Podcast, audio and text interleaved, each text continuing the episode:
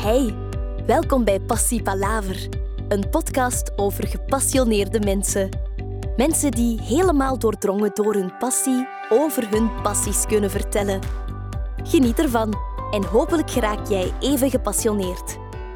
Dag Stef. Dag Kevin. Alles goed? Uh, ja. Ah, oké. Uh, ik kon je even voorstellen. Uh, jij bent merkstratege, geboren in 1983. Mm keynote speaker in branding. Dan, oh, u even wel je cv overlopen. Uh, je, hebt uh, een inspirerende doortocht bij Internetpionier Planet Internet gedaan. Dan op je negentiende al um, een marketingbureau geco-found, Twisted Image Building. In 2010 Verbeken Uvari. Ik heb je dat goed gesproken? Uivari, hè? Uivari. Um, daar was het ook branding en personal branding. Dan is het nu met je broer uh, Michael. Heb ik van Dominique geleerd dat het niet Michael is, maar Michael. Daar is hem heel gevoelig voor trouwens. Ja? ja. Ah, daarmee wees mij erop. Um, het de Pavlov opgericht. Dus ook het uh, merkstrategie en beleving. Dus ook branding, mm -hmm. vermoed ik.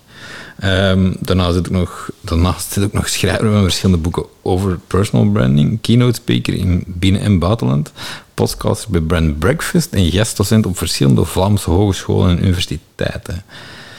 En onder de naam Sartorial begeleidt hij stelreizen voor mannen naar het bruisende Londen, waar hij deelnemers laat kennismaken met zijn favoriete modemerk. Daarnaast woonde in Antwerpen en zit getrouwd met Caroline en papa van Amélie. Voorlopig alleen van Amélie. Hè. De komende weken komt daar verandering in. Ja, spannend. um, ja, de boeken die je hebt geschreven is... Uh, ik denk dat ik ze dan in volgorde gaan kunnen zeggen. Mensen als merken. Mm -hmm, dat is de eerste, ja. Dan uh, personal branding, career branding en brand hacking is uw laatste. Ja, correct. Ook voorlopig de laatste, ja. Oké.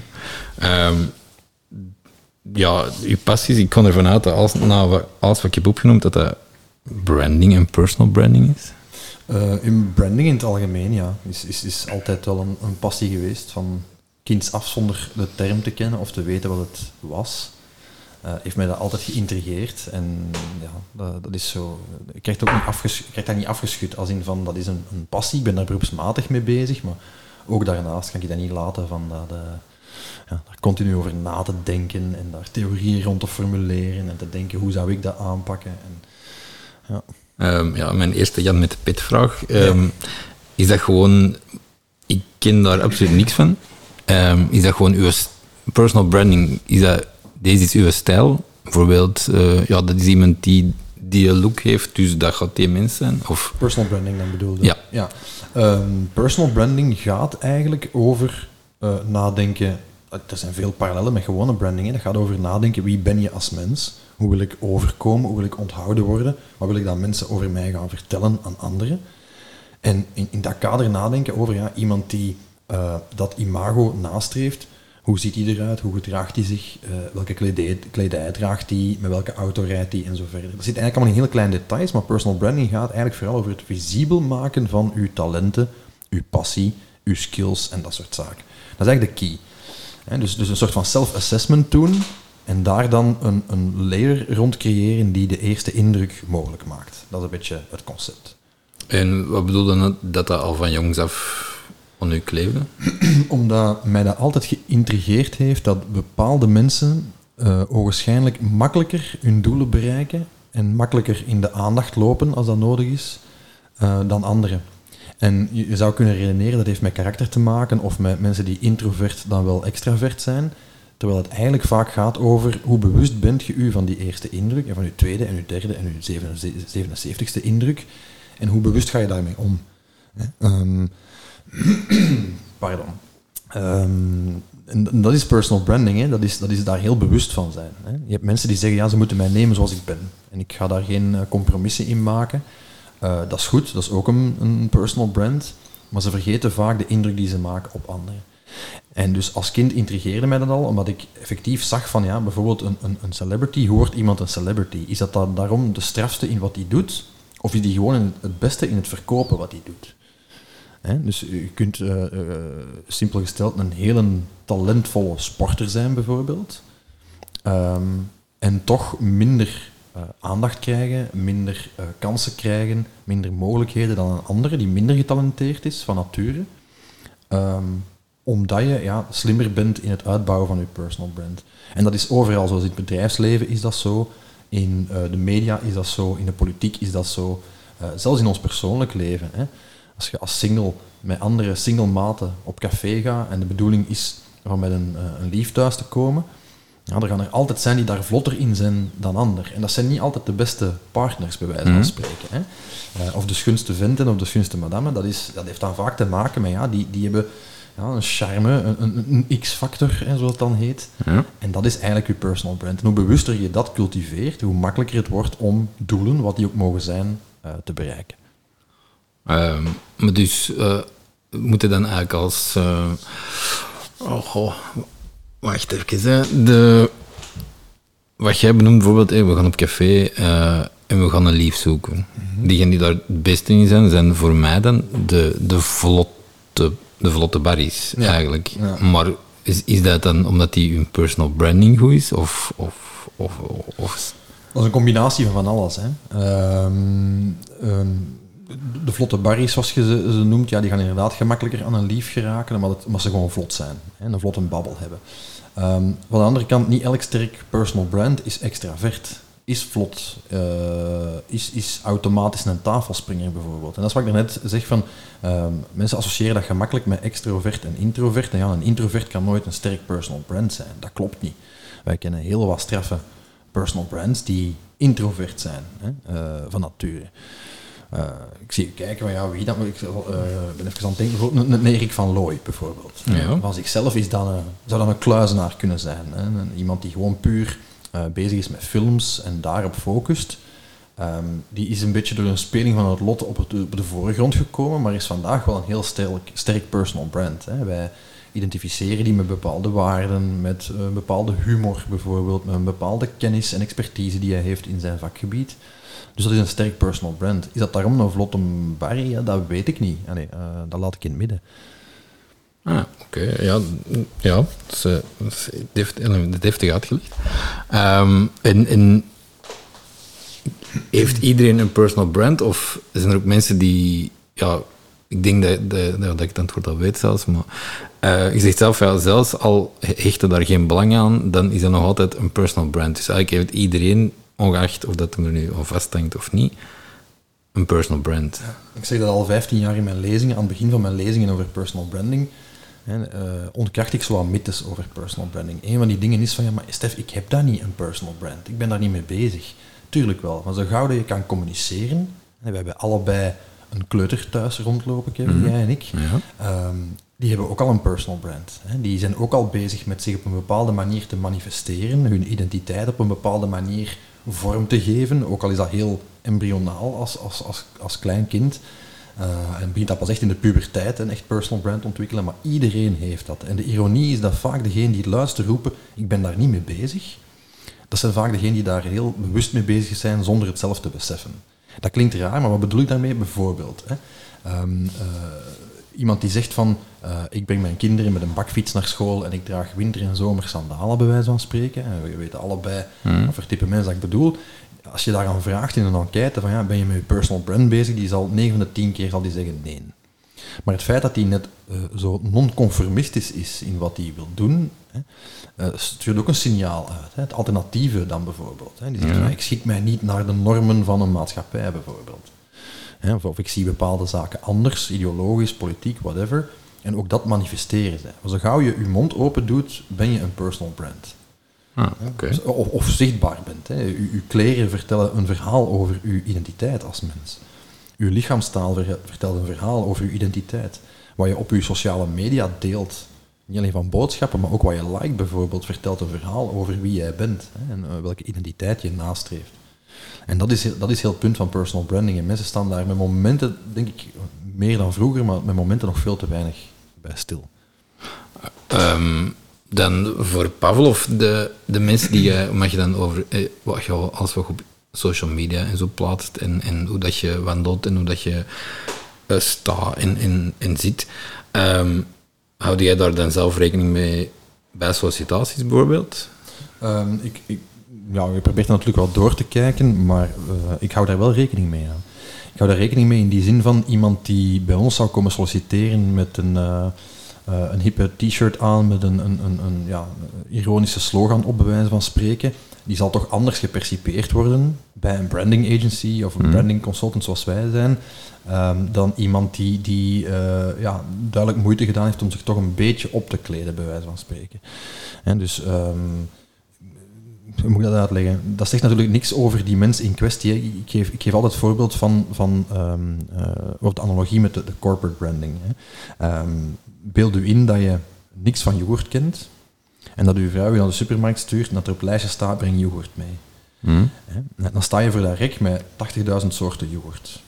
En dan moet je als consument de beslissing nemen, hoe ga ik het juiste, het juiste potje yoghurt in mijn karretje leggen. Dat is uiteindelijk het doel. Hè. Je wilt het juiste potje meebrengen. Eh, dan zijn er twee manieren om te kiezen wat de juiste yoghurt is. Ofwel kijkt je naar inherente productkwaliteiten, hè, bijvoorbeeld suikergehalte, is dat magere yoghurt, eh, is- dat plantaardig of, Mhm. of, of dierlijk, whatever. Eh, wil ik daar fruit in, moet dat dan gemixt fruit zijn of een mengeling, whatever. Hè. Dus daar kan je naar kijken, naar die inherente productkwaliteiten. Of je kan kijken naar meer uiterlijkheden. Bijvoorbeeld dingen zoals de prijs, de verpakking, de hoogte in het schap. Het feit of je dat merk van yoghurt kent, ja of nee. Hè. Dat zijn allemaal aspecten die daar eh, in, in een rol in spelen. Ehm, we willen eigenlijk stiekem als mens dat men ons kiest op basis van onze inherente kwaliteiten. Onze talenten, onze skills, onze passies, onze ervaring. De simpele waarheid is dat net als bij potjes yoghurt, en mensen zijn eigenlijk gewoon potjes yoghurt, net als bij potjes yoghurt, eh, worden wij ook gekozen in eerste instantie op basis van die, die uiterlijkheden. Hm? Onze verpakking, onze prijs, eh, de manier waarop we verkocht worden, tussen aanhalingstekens. En, en eh, dat, dat is heel het punt van personal branding natuurlijk. Hè. Je, je moet je daar bewust van zijn dat mensen op die manier ehm, eh, interacties met u aangaan en beslissingen maken van of ze u vertrouwen, ja dan nee, vanaf een eerste moment en zo verder. Dat is eigenlijk gewoon antropologie en psychologie eigenlijk in, Mhm. in een notendop. Ehm, en, dus om terug te komen op uw vraag van die sollicitanten, ja, uiteraard wil je iemand beoordelen op basis van zijn skills, kwaliteiten, cv en zo verder. Maar de simpele waarheid is dat onze hersenen nu eenmaal gewired zijn om eerst naar die andere dingen te kijken. En als er daar een mismatch is tussen wat wij verwachten van iemand, hè, dat is ook zo'n voorbeeld dat ik geef. Als jij eh, eh, doodziek in je bed ligt en je belt een dokter van wacht, en je komt eh, de bel gaat en je komt eh, helemaal verfrommeld, bezweet van de koorts in je peignoir de deur open doen. En er staat een gast voor de deur met een hawaïemtje aan, eh, een korte broek, die staat vol met tattoos. eh, Ja. Die heeft een gouden oorbel in zijn wel. Dan zeg je, wacht, wa- zeg jij de dokter? Hè? Ja. Hè, dus dat is expectation management. Hè. Je verwacht niet dat zo iemand u dan op dat moment kan helpen, want in uw hoofd ziet hij er niet uit als een dokter. En dat is een extreem voorbeeld om aan te tonen dat wij allemaal onbewust verwachtingspatronen hebben. We hebben een idee van hoe een kassierster in de lijst er moet uitzien. We hebben een idee van hoe een adviseur bij de bank er moet uitzien.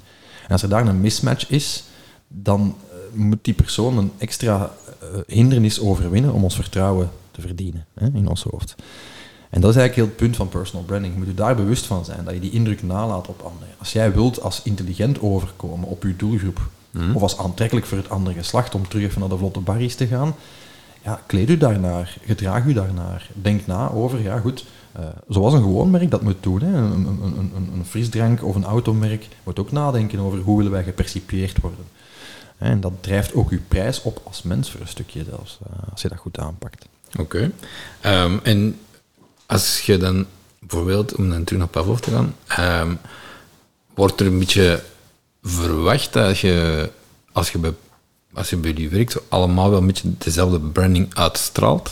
Of, Ja, en ik mag hopen dat dat bij elk merk een beetje geldt. Hè? Dat je op een gegeven moment, eh, eh, als jij een eigen bedrijf begint en je hebt een, een merk en je denkt goed na over wat je wil uitstralen als merk, dan hoop je natuurlijk dat je mensen ambassadeurs zijn van dat merk. En dat kunnen ze alleen maar als ze geloven in de waarde van dat merk en zich daar ook naar gedragen. Het is natuurlijk een, een wisselwerking in beide richtingen. Hè. Een, een, een, een merk is ook een levend organisme en past zich ook aan aan de mensen die het vertegenwoordigen. Hè. Uh, dus dat werkt in, in twee richtingen. Um, maar ik denk dat het onverstandig zou zijn om mensen aan te werven die niet in uw brand purpose passen of in uw brandvisie passen. He, dus elk merk, normaal gezien, houdt daar wel ergens rekening mee. Elk merk dat zich serieus neemt. Hè, Mhm. Dat zegt van, oké, goed, we hebben het uh, inzetten op branding. En, en naarmate dingen als klantbeleving, merkbeleving belangrijker en belangrijker worden, eh, zullen ook dat soort aspecten belangrijker en belangrijker worden. En vermoed ik dat werkgevers meer en meer naar dat soort aspecten kijken. dat is vandaag al zo, is al meer dan 20, 30 jaar geleden. Hè. Daar was een diploma voldoende om aangenomen te worden. Mhm. Nu kijkt men ook naar ja, wat is het waardepatroon dat iemand aanhangt. Wat vindt die persoon belangrijk? Is er een match cultureel, hè, zoals men dat al zegt, hè, in, in bedrijfscultuur of in merkcultuur? Ehm, dus ja, ja, wij letten daarop, hè, hoewel wij zeker geen grote werkgever zijn. Maar ook, ook andere bedrijven letten daarop, hè, dat is een evidentie. Ah ja, oké. Ja, omdat ik het soms vind ik het wel ook charmant dat iemand een heel ja, afwijkend uit, allez, uiterlijk of uiterlijke kenmerken heeft, die dan wel in een functie terug van denkt, hm, oké, leuk en, en zelfs charmant. Ja. Ehm, alleen snap ik op de meeste werkgevers die zeggen, ja, hm, liever niet. Ja, liever niet. Dat is natuurlijk al een, een, een slippery slope richting discriminatie natuurlijk. Ik bedoel daarmee van, je moet natuurlijk wel openstaan voor van alles en nog wat. Maar het is niet onlogisch en ergens zelfs vanuit de psychologie en bijna een evidentie dat je rekening houdt met bepaalde aspecten. Hè. Ehm, namelijk de impact dat iemand heeft op het imago van een merk. Maar dat kan bijvoorbeeld ook een heel doelbewuste keuze zijn. Ik zal u een voorbeeld geven. HEMA als merk is zeer, uh, zet heel zeer erg in op brand purpose, op diversiteit, inclusiviteit ook. Je heeft op een gegeven moment beslist van kijk, wij gaan onze uh, moslima-medewerkers niet meer verplichten om zonder hoofddoek te komen werken. Dat is deel van hun identiteit en ook deel van onze identiteit als merk. Daar kwam destijds, hè, HEMA was daar toch een van de pioniers, best wel wat kritiek op. Mhm. Ehm, omdat men vond van ja, hè, als winkelketen, je neemt toch een religieus standpunt in. Enfin, uh, dat ging al een heel snel een ideologische discussie.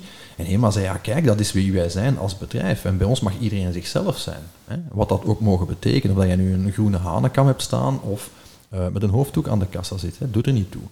Dus, dus natuurlijk is dat charmant. Hè. Uh, en, en, ik denk ook daar dat de zeden wel wat veranderd zijn. De tijd dat je in het bedrijfsleven allemaal in uh, driedelig pak met das moest komen werken, ja, die is al even achter ons. Hè. Dus je moet uiteraard ruimte laten aan je mensen om te zijn wie ze zijn. Dat is nogal evident. Mm -hmm. um, maar dan moet dat ook een bewuste keuze van het bedrijf in kwestie zijn. Hè. Dan moet je ook weten dat je als merk een bepaalde uitstraling hebt die anders is dan wanneer iedereen een uniform draagt, bijvoorbeeld. Ja, oké.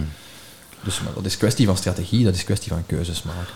Um, en bijvoorbeeld is een, um, het zou waarschijnlijk een heel stomme vraag zijn, een bedrijf dat work-life balance hoog in het vaandel draait, verdraagt, um, in gezondheid, in, in, in fruit, alleen fruit voorzie, in een fitnessabonnement of zo voorzie, is dat een personal brand van dat merk of is dat de branding van dat bedrijf? Dat is branding. Hè. Dus personal branding gaat over mensen. Branding gaat over uh, ja, uh, entiteiten, hè. organisaties, uh, wat dan nu een overheid is, een politieke partij, een commercieel merk en whatever. Hè. Dus, mm -hmm. dus vooral het laatste, want personal branding, ja, ik heb daar achtergrond in, maar bij Pavlov kijken we uitsluitend naar het, het, het, het tweede. Hè. Gaat het echt over corporate branding. Hè. Um, dat soort keuzes die je, die je maakt, die passen bij ons in wat men brand purpose noemt. Hè.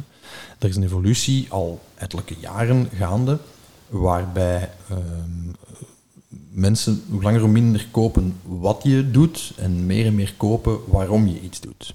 Eh, je zou zeggen, dat, is toch vaak hetzelfde. Uh, bij een goed merk is dat niet zo. Uh, een, een, vandaag een, een, serieus merk, succesvol merk, doet meer dan alleen maar winst maken op producten en diensten in de markt zetten. Hij is bezig met welke rol vervullen wij maatschappelijk. Dat betekent dat je bijvoorbeeld naar ecologie en naar welzijn van medewerkers kijkt, bijvoorbeeld, dat je duurzaam ontwikkelt en dat soort zaken. Maar ook dat je kijkt, ja, welke betekenis, welke legacy laten wij na, los van wat we verkopen.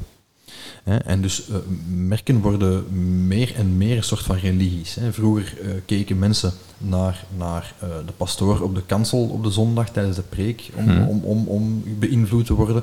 Of we keken voor oplossingen naar de politiek de laatste tien jaar zeker, en dat is een evolutie die zich enorm verder zet, zien we dat bedrijven, het, vacuüm dat daar ontstaan is, hè, we, vertrouwen religie en politiek niet meer, dus daar is een vacuüm ontstaan. Mensen proberen uh, uh, zich ergens een karretje aan te hangen als, uh, als consument of als burger.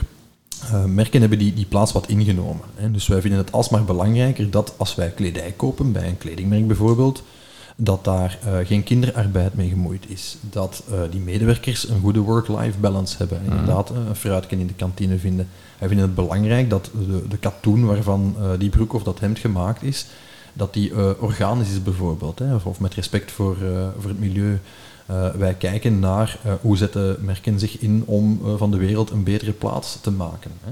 We pikken niet meer dat een merk gewoon een kwalitatief product aan een eerlijke prijs ontwikkelt zonder meer. Hè. Eh, We vinden alsmaar meer dingen belangrijk. Merkbeleving is daar één van, maar ook brand purpose. Hè. Mhm. Dus de waarom, de raison d'être.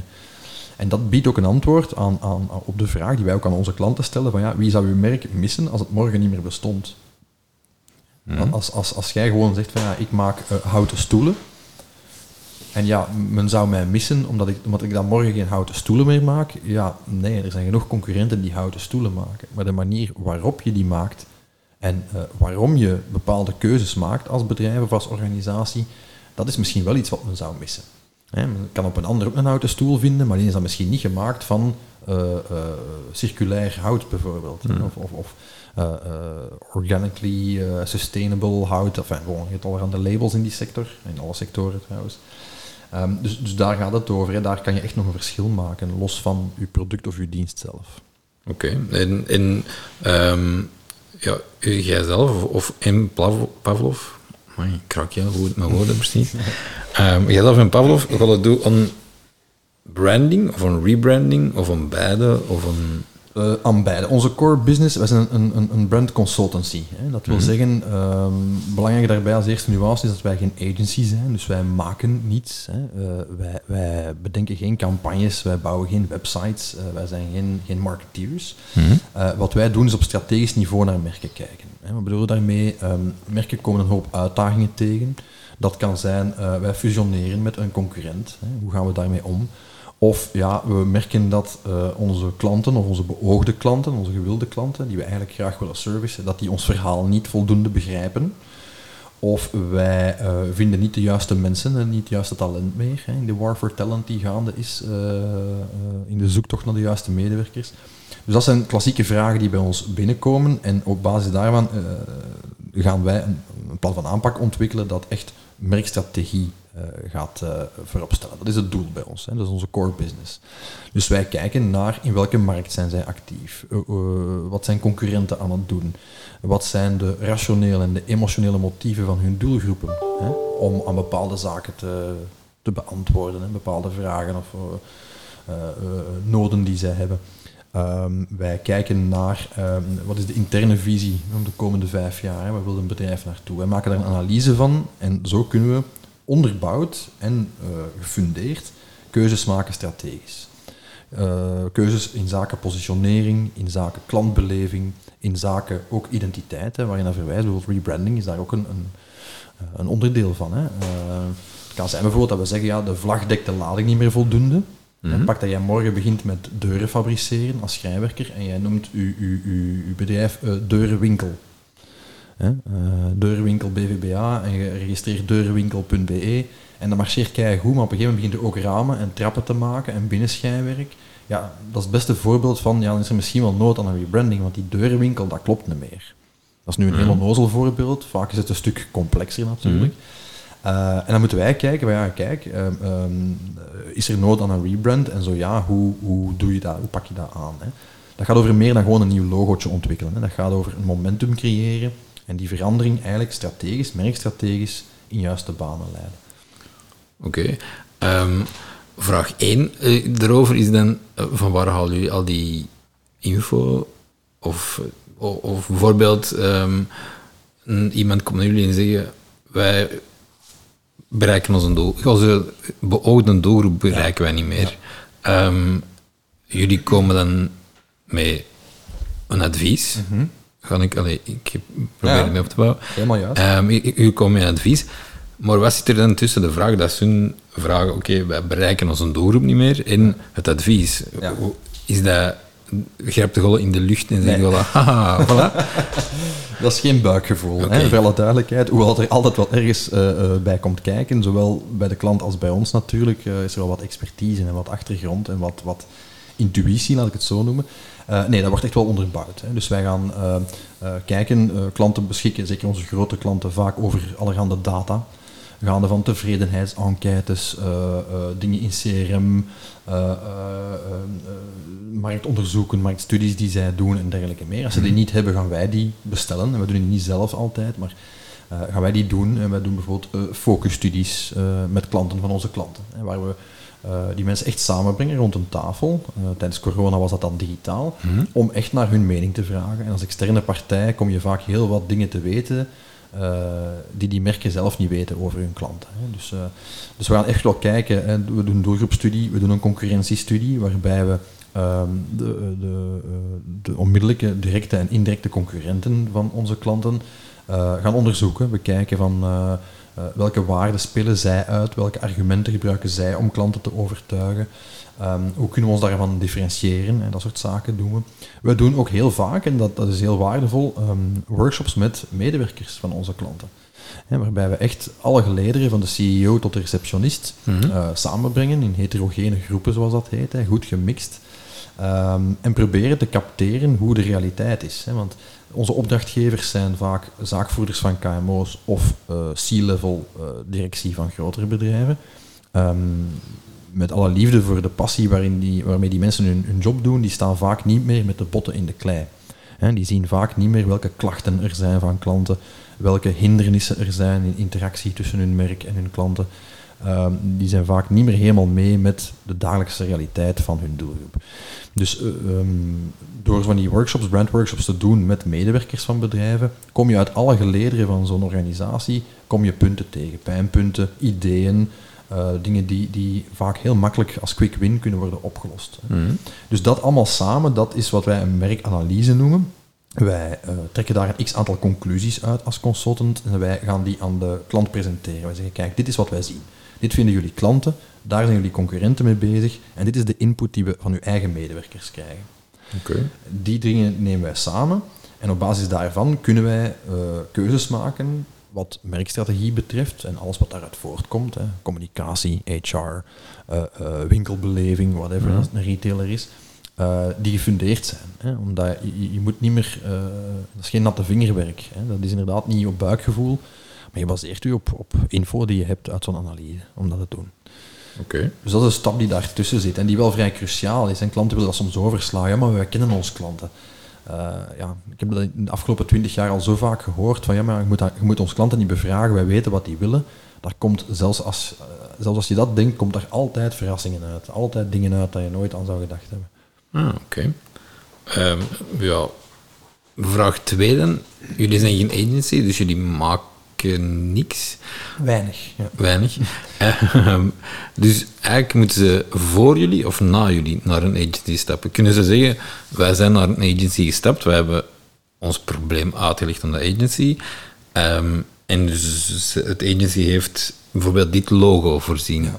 Ja. Um, Geven jullie dan advies bijvoorbeeld over het logo of over een totaal rebranding? Of adviseren jullie ook, goh, die rebranding, ik zou, wij zouden het zo en zo doen mhm. en je gaat met deze briefing naar een agency van, alsjeblieft. Al die scenario's zijn mogelijk en wij zien bij klanten ook alles. Hè. Daar bedoel ik mee van, in een ideaal scenario zijn wij van bij de start van een bedrijf betrokken en helpen wij hun groeien van A tot Z. Hè. En wordt er eerst goed nagedacht over een businessstrategie, wat dan het bedrijf zelf doet worden wij ingeschakeld om de merkstrategie te ontwikkelen en gaat men dan kijken wie zijn de executieve partijen die dat moeten gaan uitvoeren. Hmm. En dat is op papier het ideale scenario. In realiteit natuurlijk, de merken waarvoor wij werken bestaan vaak al heel lang. Hè. Uh, we, hebben, we, hebben, klanten die langer bestaan dan dit land hè, eh, als merk. Okay. Um, dat wil zeggen dat je daar in een bestaande realiteit komt. Grote klanten hebben we van alles en nog wat, hebben die een agency of een partij waar ze mee samenwerken, of een interne dienst die bepaalde dingen doet.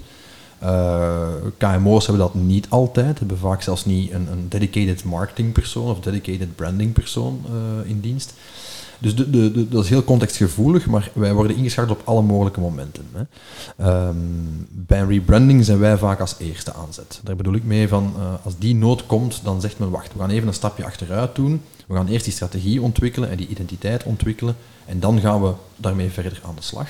Maar voor andere briefings, ja, die campagnes lopen ondertussen door hè, bij een reclamebureau. Die website blijft online hè, door een digitaal bureau. Die sociale media, die wordt beheerd. Uh, de persberichten gaan buiten, de sollicitaties komen binnen. Uh, dus die realiteit is dat dat blijft doordraaien en dan worden wij ergens in dat traject ingeschakeld.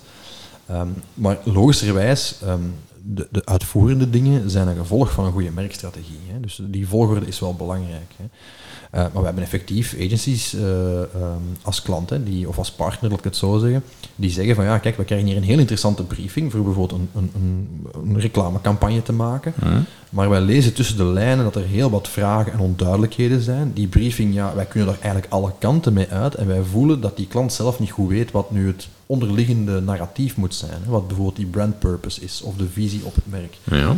Dan schakelen zij ons in als tussenpartij om even orde op zaken te stellen, als ik dat zo bruut mag zeggen. Daar even de puntjes op de i te zetten, zodat zij hun werk ook beter kunnen doen. En wij doen dat met reclamebureaus, met digitale bureaus, met PR-bureaus, zelfs met interieurarchitecten. Hè, die bijvoorbeeld de opdracht krijgen, richt hier een nieuwe winkel in voor merk X. Ja. En zij zeggen, ja maar uh, oké, goed, hoe moet die winkel eruit zien? En die klant komt niet verder, ja, het moet de kleurtjes van ons logo hebben. Ja, dan zou er eigenlijk ergens een alarmbelletje moeten afgaan. Dat wil zeggen dat er niet nagedacht is over het retail-strategie. Ja, dan, is, dan doet men er goed aan van bijvoorbeeld ons eerst even ons werk te laten doen en dan op basis daarvan opnieuw beredeneerde keuzes in de implementatie te maken. En bijvoorbeeld om een, een, het laatste voorbeeld te nemen, um, de, de binnenhuisarchitect, of de, binnen, ja, de interieurvormgever komt naar jullie en die zegt, ja, de, het enige dat in de briefing stond was de kleuren van het logo. Mm -hmm. um, kunnen jullie eens bij de klant horen, worden jullie dan, ja... Ja, we moeten daar ergens worden binnengeloodst, hè, natuurlijk. Ja. Hè. Dus uh, het is dan aan die interieurarchitect bijvoorbeeld om te zeggen van, goh, ja, dat is qua briefing wel kei beperkt. Zou je het zien zitten om eens eerst een strategische oefening te maken? Uw winkel gaat tien keer, niet alleen er tien keer beter uitzien achteraf, mm -hmm. ik ga mijn werk beter kunnen doen, maar uw omzet gaat ook hoger zijn. En mensen gaan liever terugkomen naar uw winkel en gaan rapper doorvertellen aan anderen dat ze ook eens moeten komen. En met die argumenten worden wij vaak uh, binnengeloodst uh, bij bedrijven. Uh, die zeggen, ja inderdaad, we weten het zelf niet helemaal goed, of we zien door het bos de bomen niet meer. Je mag niet onderschatten, als je elke dag gepassioneerd met je vak en je bedrijf bezig bent, um, ja, dan heb je die afstand niet meer. Die gezonde afstand die wij als externe partij wel hebben, om dingen te analyseren, te challengen ook, hè, want mm -hmm. dat gebeurt. Hè. Wij zeggen soms tegen CEO's van, kijk, de richting die je ingaat is niet helemaal verstandig om die en die en die redenen. Bij rebranding hebben we het wel eens gehad dat een CEO van een groot bedrijf zei: ja, de naam uh, moeten we geen budget in steken, ik heb een naam gekozen. Maar zijn eigen mensen zagen die naam niet zitten. Wij hadden daar toch ook wel onze bezwaren bij. Niet per se omdat we een nieuwe naam wilden ontwikkelen, want dat is geen leuk proces, by the way. Mm -hmm. Maar wel omdat we aanvoelden van ja, dat is gewoon geen verstandige keuze. Met de richting die zij als bedrijf uit willen, is die naam niet de juiste naam. En daar hebben we echt op blijven duwen, blijven pushen, tot men ons gevolgd is en uiteindelijk een juiste naam heeft laten ontwikkelen door een goede copywriter. Dus, dus uh, ja, dat, dat challengen en zo, dat zit daar allemaal wel wat in. En dat is ook onze rol. Hè. Veel van wat wij doen is stakeholder management. Hè. Um, okay. in, in merkstrategische projecten, uh, het gevolg daarvan is vaak ook veranderingen. Hetzelfde met een rebranding, dat zijn momentums om, om dingen te veranderen binnen een organisatie, mm -hmm. of in de interactie tussen een organisatie en zijn doelgroepen, intern en extern ja, daar komt wel wat weerstand bij kijken, uh, mensen die zich daar vragen bij stellen. En het helpt natuurlijk niet dat ons vakgebied weinig meetbaar is. Marketing bijvoorbeeld kan je meten. Je kan meten, een Facebook-campagne, hoe vaak wordt die bekeken, hoe vaak wordt die gedeeld, hoe vaak wordt die geliked, aangeklikt en zo verder. Dat kan in branding niet. Je hebt weinig KPI's, weinig tools om te meten hoe sterk een merk is. En je hebt daar verschillende strekkeningen in. Je hebt, je hebt die die zeggen, ja, je moet kijken naar de simplicity van een merk of naar de reputatiescore, of naar een net promoter score. En dat is eigenlijk de score um, uh, hoe bereid zijn mensen om uh, ons merk aan te bevelen aan anderen, hè, de NPS zoals dat heet. Mm -hmm. Die heb je wel, maar die moet je allemaal met een korrel zout nemen. Um, dus het is heel moeilijk om te meten wat het succes is van wat wij doen. De proof is in the pudding. Hè. Uh, inderdaad, meer klanten, meer bezoekers in uw winkel, meer sollicitanten en zo verder. Dus ja, dat is uh, veel stakeholder management, veel change management. Dat is eigenlijk niet echt ons vakgebied, maar dat komt daar heel erg bij kijken. En um, ik had er echt nog een paar die in mijn kop zaten. Ehm, bijvoorbeeld, maar je zegt van ja, het gaat u meer klanten opleveren, de inrichting van uw winkel. Mhm. Ja, het eerste dat bij mij naar boven kwam was ja. Mhm. Voor mij eh, een hele goede winkel. Alleen voor de algemeenheid denk ik binnen België wel een goede winkel. Maar de inrichting is toch heel basic. Ja, en dat is een bewuste keuze. En dat is een, een goede keuze voor Colruyt, maar dat het net een bewuste keuze is. Zij zeggen, wij gaan eh, geen geld verspillen aan tierlantijntjes. Wij focussen inderdaad op die basic noden van mensen. En daardoor trekken zij een bepaald publiek aan. Want je zegt, ja, de meerderheid hè, is fan van Colruyt. Ik ben het daar zo niet mee eens. Je, hebt, eh, eh, je ziet in die supermarktwereld dat, er, dat die allemaal toch een soort andere positionering kiezen. Hè, je hebt de pure discounters. Je hebt de, de die zeggen van ja, back to basics. Hè, goede producten, zowel A-merken als eigen merken, eh, aan, aan, aan, aan de laagste prijs. Hè, en daar boet je dan wat in op winkelbeleving. Oké, goed, tant pis. Je hebt dan de, de, de, de meer de mid-markets, hè, de, de, de, de, Carrefours van deze wereld, ik ze zo noemen, en de Albert Heijns. En je hebt dan de Deleuze's, die dan meer inderdaad de premium supermarkten zijn. Die hebben allemaal een- hun publiek dat ze willen aanspreken. Dat zijn geen vaste vakjes. Hè. Je hebt mensen die in al die winkels eh, shoppen. Ja, dat was mijn bijkomende. Eh, ja. Maar inderdaad, voor bepaalde noden andere merken opzoeken. Hè. En dus ehm, eh, de strategie van, van Colruyt is heel duidelijk van, kijk, die winkelbeleving is ondergeschikt aan prijs. En daardoor spreken zij een doelgroep aan die dat belangrijk vindt. Een Deleuze ziet dat omgekeerd. Die zegt, ja nee, de inspiratie die wij bieden, de duurzame oplossingen die wij bieden, die zijn, en de winkelbeleving is, is, is belangrijker, is primair over prijs en bijvoorbeeld... eh, eh, eh, ik zeg maar wat, productaanbod, zeg maar wat. Hè. Dus dat zijn keuzes die men maakt. Je ziet dat bij automerken, je ziet dat bij kledingmerken. En men probeert een bepaald publiek aan te spreken, men onderzoekt wat zijn de motieven van die mensen en op basis daarvan wordt een strategie uitgewerkt. Ik zeg niet dat elke winkel een Apple Store moet zijn, hè, of, of helemaal gedesigned moet zijn tot in de laatste millimeter van het pand. Eh, je, hebt, je hebt de outlet stores die, die eh, monsterwinsten maken door gewoon een lege loods op paletten al hun dingen aan te bieden. Hè. Dat kan ook. Hè, maar dus dat is, dat, net dat is merkstrategie, dat is eh, beredeneerde keuzes maken. Hè, van wie is onze doelgroep, wat verwacht die, hoe onderscheiden wij ons van concurrenten en waar willen we eigenlijk stiekem, stiekem waar willen we eigenlijk zelf naartoe als onderneming. Dus, en dat moet natuurlijk niet voor elk merk hetzelfde hetzelfde zijn, want ja, dan probeer je allemaal in dezelfde vijver te vissen. Ja. Ehm, en de, de vraag drie eigenlijk, over de beginvraag, ehm, was, is het sowieso altijd extern zichtbaar? Of kan een firma ook naar jullie komen en zeggen, "Goh, wij willen intern bij onze werknemers wel een beetje eh, rebranden of een beetje Ja. duidelijk maken van zich, dit is, de- dit is het nieuwe, de nieuwe Torfs of zo. Allee, Ja, dit is het ja. nieuwe beleid van Torfs. Nee, dat kan. Dat hoeft niet altijd extern zichtbaar te zijn. Opnieuw, hè, wij zijn geen communicatiebureau als dusdanig. Hè, dus natuurlijk is dat heel verwant. En ik denk het merendeel van onze projecten op vandaag zijn toch nog altijd vooral op die externe eh, stakeholders, externe doelgroepen gericht, wie dat ook mogen zijn. Maar je ziet de, de vraag wel stijgen en vooral in tijden dat het moeilijk is om de juiste mensen aan te trekken, zoals vandaag, anno 2022, ehm, zie je meer en meer vraag, eh, wij merken dat toch rond eh, projecten die met cultuur te maken hebben. Van een merkstrategie straalt ook af intern. Hè, en betekent ook dat je bepaald een, een bepaalde cultuur hebt intern, een bepaalde manier om met situaties om te gaan, met processen om te gaan, nu bijvoorbeeld ook met digitalisering en zo om te gaan. Eh, ehm, een een merkstrategie is de core van wat je dan meeneemt als beslissing eh, op dat vlak. Hè. Dus eh, nee, dat hoeft zeker niet altijd extern te zijn. Sterker nog, ik denk dat de, de, de, de noodzaak aan eh, merkstrategie voor interne doeleinden alleen maar zal groeien. Hè. Bedrijven zijn daar meer en meer heel bewust mee bezig. Zoals? En- Zoals in het kader van employer branding bijvoorbeeld. Hè, van hoe zorg je dat we een aantrekkelijke plaats zijn om te werken. Mhm. Eh, dat is natuurlijk HR-beleid voor een groot deel, maar HR-beleid hangt ook wel een beetje af van wie je wil zijn als organisatie. En dus uw DNA en dus uw merk. Hè. Wij zeggen aan klanten altijd, dat, dat is een onnozel boetade, hè, het gaat niet over uw merk als dusdanig. Het gaat over wat uw merk mogelijk maakt. En de vragen die wij krijgen zijn altijd ge- eh, toegespitst op wat merken mogelijk maken. Attractief zijn voor medewerkers, een leuke plaats zijn om te werken, eh, attractief zijn voor klanten, eh, investeerders aantrekken, een fusie begeleiden, eh, een, een, een merkverhaal beter vertellen, groeien naar een markt waar we vandaag nog niet actief zijn, producten of diensten lanceren die nog niet bestaan, Dat zijn de briefings die wij krijgen. Wij krijgen zelden of nooit de vraag van, zeg, we hebben een logo nodig. En daar zijn andere partijen voor. Hoewel Mhm. wij logo's maken, hè, by the way. Maar ehm, het gaat altijd over een heel concrete vraag, of een heel concrete uitdaging, is eigenlijk een beter woord. En vanuit die uitdaging hebben wij als, vanuit merkstrategie eigenlijk altijd wel een antwoord dat we kunnen bieden. Oké. Oké, ja. Er is nog mee, Kevin. ja, ja, goh, maar het is... eh, Het is veel consultancy praat, ik weet het. maar- Ja, ja, ja. eh, allee, ja, het is consultancy praat, ik weet het niet. Ehm, de...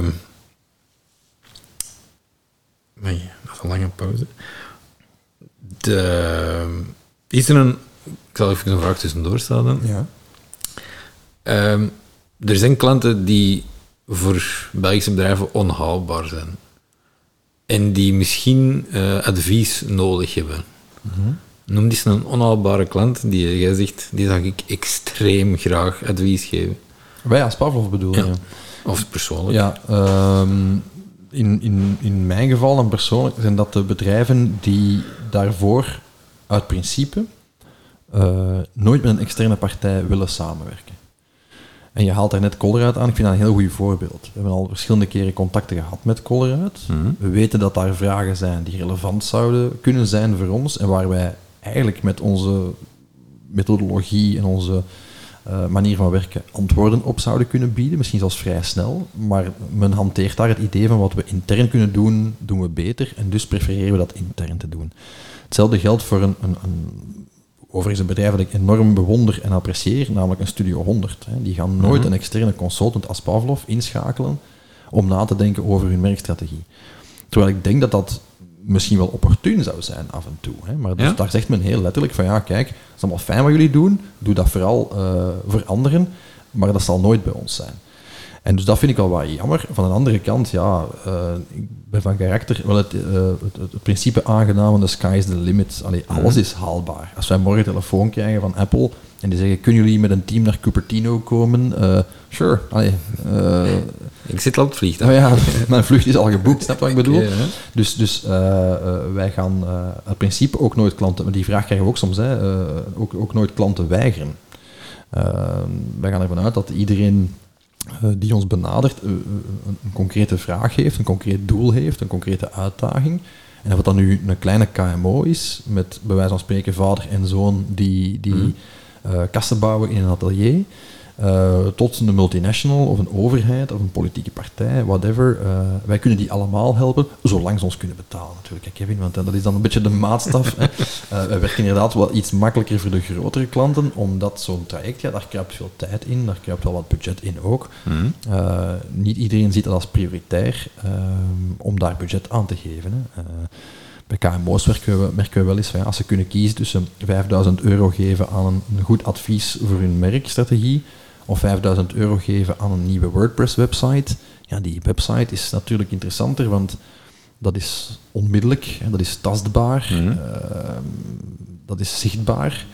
Dat ja. is bij ons allemaal iets, iets vager natuurlijk. Ja, zoals je al zei, er is niks waar dat je het mee kunt meten natuurlijk. Nee, Allee, ja, en zoals je daar straks ook zei, maar ja, wat verkoop je eigenlijk? Hè? Ja, uh, mijn eigen moeder heeft lang beweerd dat wij lucht verkochten. Hè? Dus, uh, terwijl het, ja, het is advies en, en die deliverable is misschien wel vager.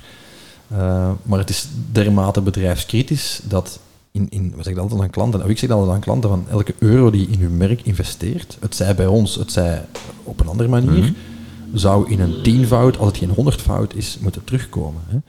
Als je ernstig nadenkt over wie zijn we als merk en hoe gaan we ons positioneren, mm -hmm. dan wordt uw marketing efficiënter, dan ga je makkelijker de juiste mensen kunnen aantrekken als medewerker, dan ga je klanten loyaler maken en meer ambassadeur maken.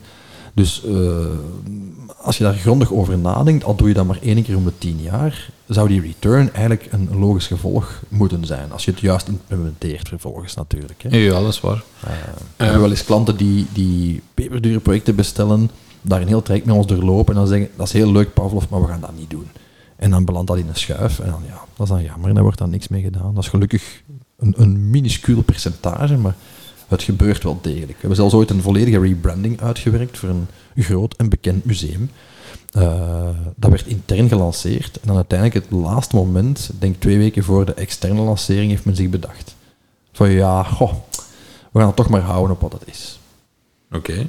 Ja, dat is balen, hè, want je hebt met een heel team meer dan een jaar gewerkt op de analyse, de strategie, de identiteit. Je bent keurig betaald geweest. Het enige wat nog resteert is je logo dat je gemaakt hebt in de krant zien verschijnen. Hè, van, En eh, dat lukt dan niet. en dat komt dan niet. Dus dat is, ja, dat is even balen, maar ja, bon goed, dat hoort er ook bij. Maar is het dan ook nog duwen bij de klant van, zou het toch niet? Of is het gewoon in stilte Ehm, verdwijnen? Nee, ik steek daar mijn tijd in, maar dat is vechten tegen de bierkaai. Hè. We hebben, eh, ik zeg het, ooit een merkstrategie eh, ontwikkeld ehm, voor een merk dat iedereen kent, dat ik niet bij naam zal noemen, waar men op een gegeven moment zegt van ja, het is toch wel heel erg veel de gevolgen van die strategie. En we, we zijn het helemaal met je eens, voor alle duidelijkheid, lieve vrienden van Pavlov, maar als we dit moeten implementeren, dat kost ons jaren, dat kost eh, fortuinen aan geld. Ik was het daar niet mee eens, maar bon, intern was die perceptie ontstaan. Ehm, in plaats van te zeggen, we gaan die olifant in stukjes breken en zoals de meeste van onze klanten prioriteiten stellen en naar een bepaald doel werken hè, qua merk-imago, eh, heeft men toen besloten, er was een politieke inmenging ook gemoeid, hè, zo gaat dat dan vaak. Ehm, eh, de, de, de politiek die daar betrokken was, heeft dan gezegd, ja, we gaan dat niet doen. Dat is in een schuif beland en dan zie je jaren later, we zijn nu, eh, even rekenen, zeven, acht jaar na dat project, dat ze toch stukje bij brokje eh, dingen aan het implementeren zijn, maar die komen niet uit ons advies. Hè. Dat heeft men dan drie jaar later bedacht. Weet wat we moeten doen? Dat. Hè. Men is al lang vergeten dat wij dat dan jaren ervoor al geadviseerd hebben. Maar dan eh, begint men dat toch te implementeren met horten en stoten. En, en, ja, Dus waarschijnlijk degene die de studie in zijn schuif wil liggen, is dat stukje per stukje aan het verkopen aan de rest van de firma. Ik denk dat die daar niet meer zit. Ook, eh, ik weet wel zeker dat die daar niet meer zit trouwens. Dus eh, de kans dat dat eh, letterlijk gebeurd is op die manier is vrij klein. Maar eh, ja, je ziet dan toch dat dingen... Was het dan te vroeg, ons advies of zo? Dat kan. hè. Ehm, dat men daar op dat moment niet klaar voor was of zo om dat te implementeren, om welke reden dan ook. In, in, allee, de, de drogreden van budget en timing in elk geval sloeg nergens op, slaagt vandaag nog nergens op. Maar goed, bon, klant is koning. Hè. Eh, eh, wij, wij zijn adviseurs, wij zijn consultants. En net zoals iemand die bij Deloitte of bij, bij, bij PwC eh, financieel advies geeft aan een bedrijf, ja, niks houdt die CFO of die financieel directeur tegen om dat compleet te negeren en iets anders te doen. Hè. Ja, natuurlijk. ja. Wij zijn consultants, wij kennen daar nederig onze rol. En ja, dat is wat het is. Hè. Wij kunnen geen enkele klant de arm omwringen en verplichten van onze adviezen door te voeren. Hè. Dat zou soms wel handig zijn, denk ik. Ehm, ja, de, zijn er, dat er zijn er rebrandings die volledig fout zijn gelopen. Kende er. Ehm, gelukkig eh, uit onze eigen portefeuille nog niet. En ik zeg nog, want je hebt dat niet altijd in de hand. Maar er zijn wel degelijk, het heeft wel degelijk rebrandings compleet fout gelopen. Een paar jaar terug had je eh, Gap, het kledingmerk bijvoorbeeld, die ten koste van alles wilde verjongen. Eh, ja, dat is helemaal fout gegaan. Hè. De, de fans van dat merk eh, hebben wekenlang zitten lobbyen voor het oude logo, de oude look en feel, de oude identiteit. Ehm, dat is bijvoorbeeld een heel goed voorbeeld, vrij recent en wereldwijd uitgesmeerd en uitgelachen voorbeeld. Je hebt, ehm, eh, wat je ook ziet, is dat, dat eh, met veel poeha aangekondigde rebrands wel heel erg lijken op andere dingen. Eh, recent had je nog eh, Brussels Airlines, hè, die een nieuw logo eh, presenteerde. En die dan geconfronteerd werden met een, een Pools bedrijf dat zei van, tja, dat lijkt nu toch wel heel erg op dat van ons, maar bon, hè, hoe zou ik dat zeggen? Imitatie is de mooiste vorm van vleierij, hè, Ja. zegt men dan.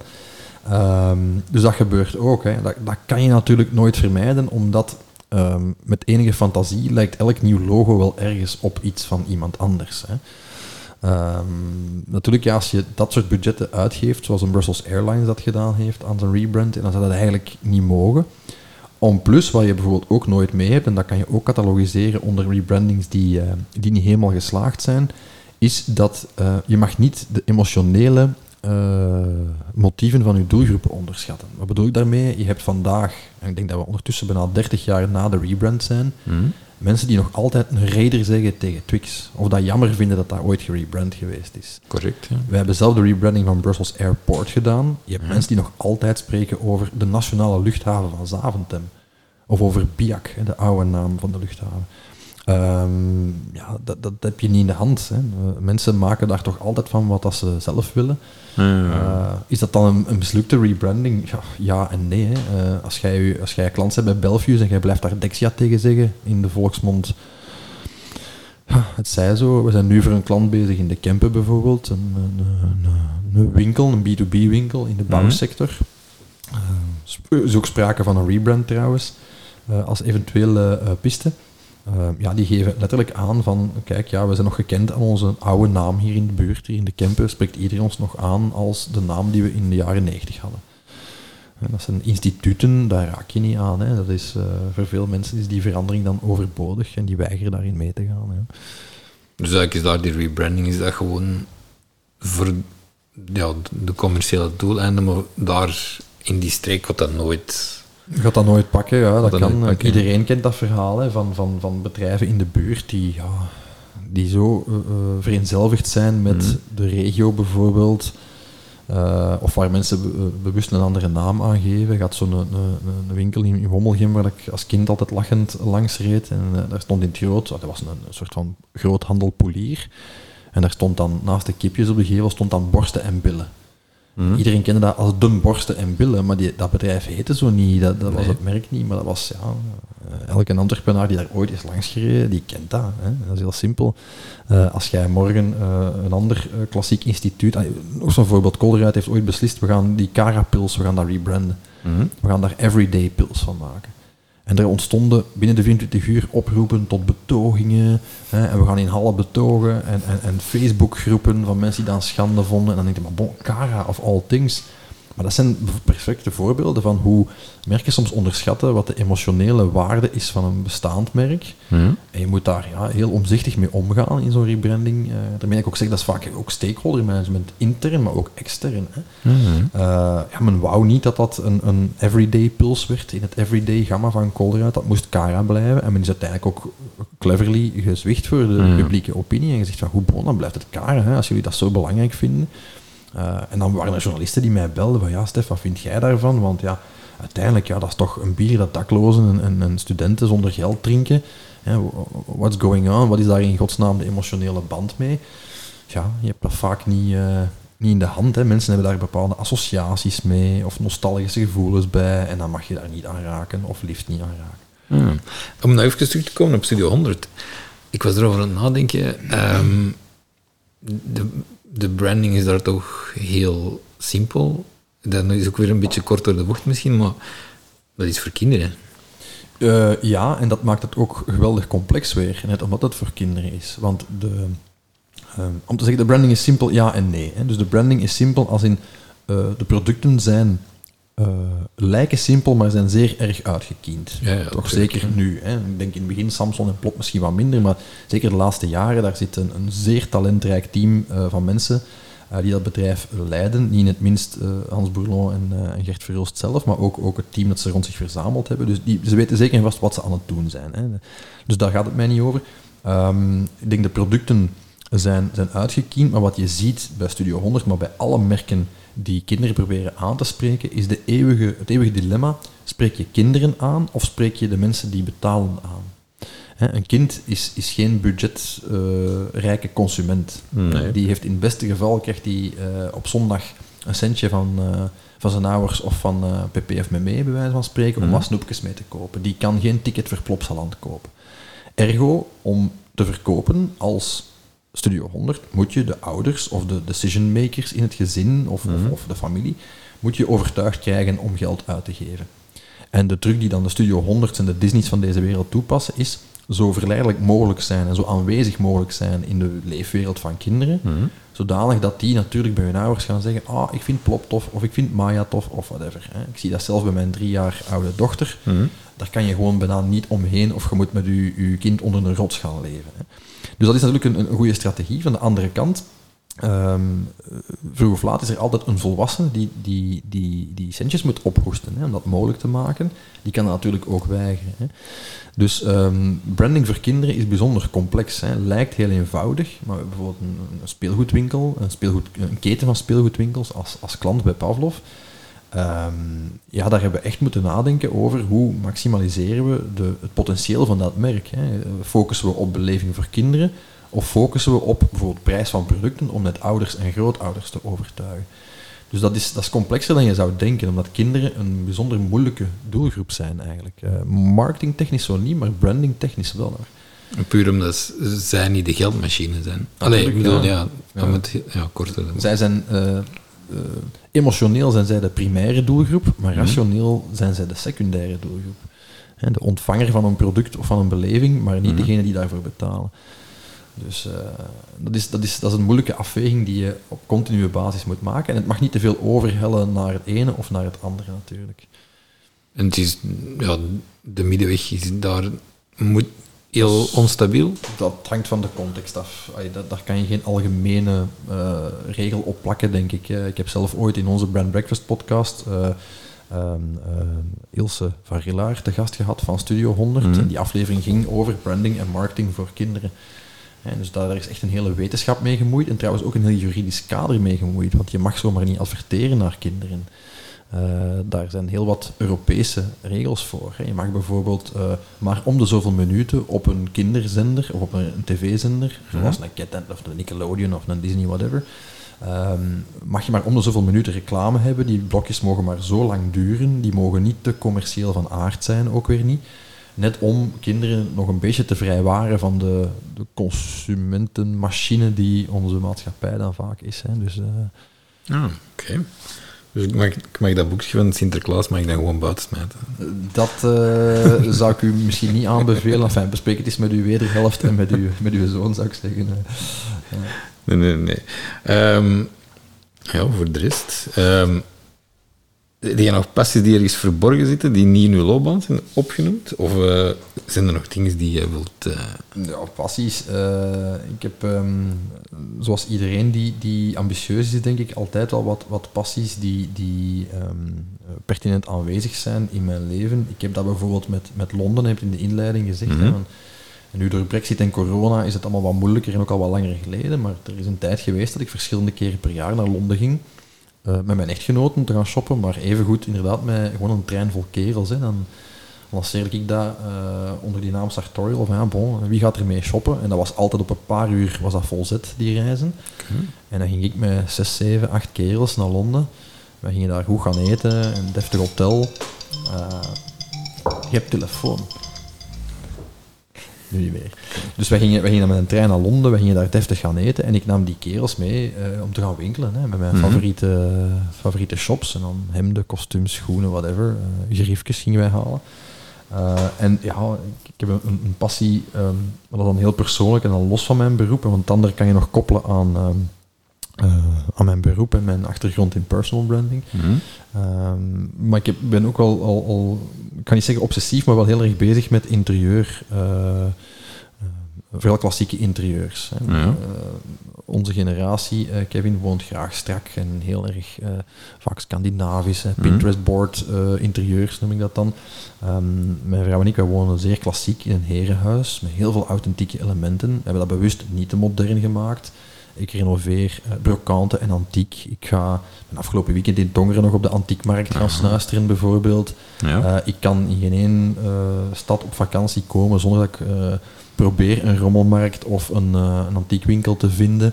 Eh, ik heb in de afgelopen jaren in troks en kringwinkels de meest mottige verouderde dingen buiten gesleept om die dan te herstofferen of, of, of helemaal terug op te schuren, eh, dat soort zaken. Ik heb ook heel mijn huis zelf verbouwd, zoveel mogelijk in die klassieke stijl.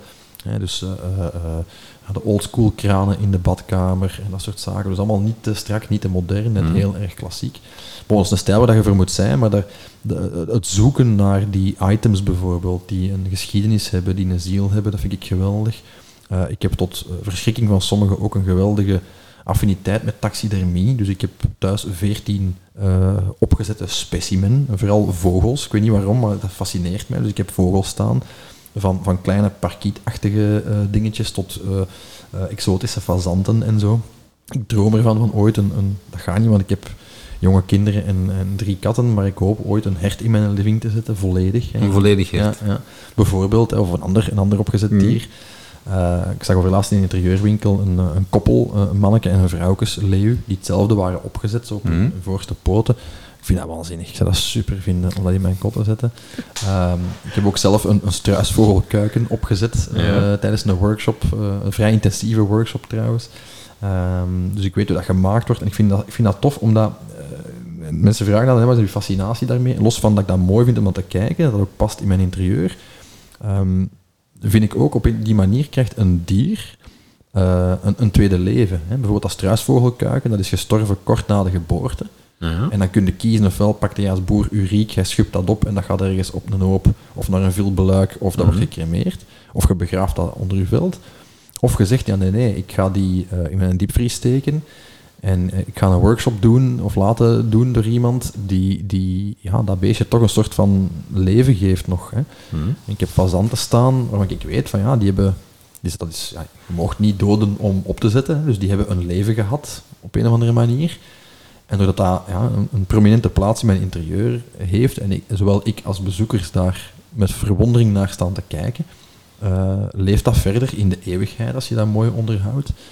Eh, En waar vinden die dode dieren dan? Waar Ja, vinden ja, een fazant? Ja, ik ga die zelf niet schuppen voor alle duidelijkheid Oké. of zoeken. En die fazant is gewoon gekocht als een antieke fazant. Ik heb een antieke eend, ik heb een vleermuis in een stolp. Ik heb eh, twee hertenkoppen eh, hangen. Ah, maar als enigste zelf gedaan is het... Is het struisvogelkuiken, Ah, ja. oké. ja, ja. Maar waar vind je die? Ja, inderdaad, je hebt mensen die dat, eh, die dat opkopen. Hè. Dus, eh. Maar dat is ook allemaal juridisch gekaderd, want hè, je, hebt, je hebt daar bepaalde soorten, mag je niet exporteren bijvoorbeeld. Je mag morgen niet een, een dode aap importeren, diep gevroren, en die zelf gaan opzetten. Dat mag bijvoorbeeld niet. Maar bijvoorbeeld die, die meer exotische specimen die je ook in musea ziet en die Mhm. vaak heel professioneel en mooi zijn opgezet. Die, eh, dat is van, van dierentuinen bijvoorbeeld, dierenparken, waar die dieren omwille van ziekte of andere natuurlijke oorzaken overlijden. En ja, dan opnieuw, hè, dan ofwel vernietig je dat, ofwel schenk je dat aan een museum en wordt dat mooi opgezet en heeft dat een educatieve en een esthetische waarde. Eh, ja, en dat fascineert mij mateloos. En, allee, mocht ik kunnen, ik zou, eh, ik zou mijn huis daar vol... allee, vol zitten is veel gezegd, dat is misschien er wat over, maar... eh, Dus ik, ik kan u binnen 50 jaar terugvinden in een hele grote loods vol met opgezette dieren die dan heel goed vertelt van ah, dit is... Oh, dit is... Dat wauw. zou kunnen, ja. Allee, ik- denk dat mijn vrouw daar niet happy mee is. Van ze zegt altijd van, Stef, genoeg met die vogels. Ons kot toch vol met beesten.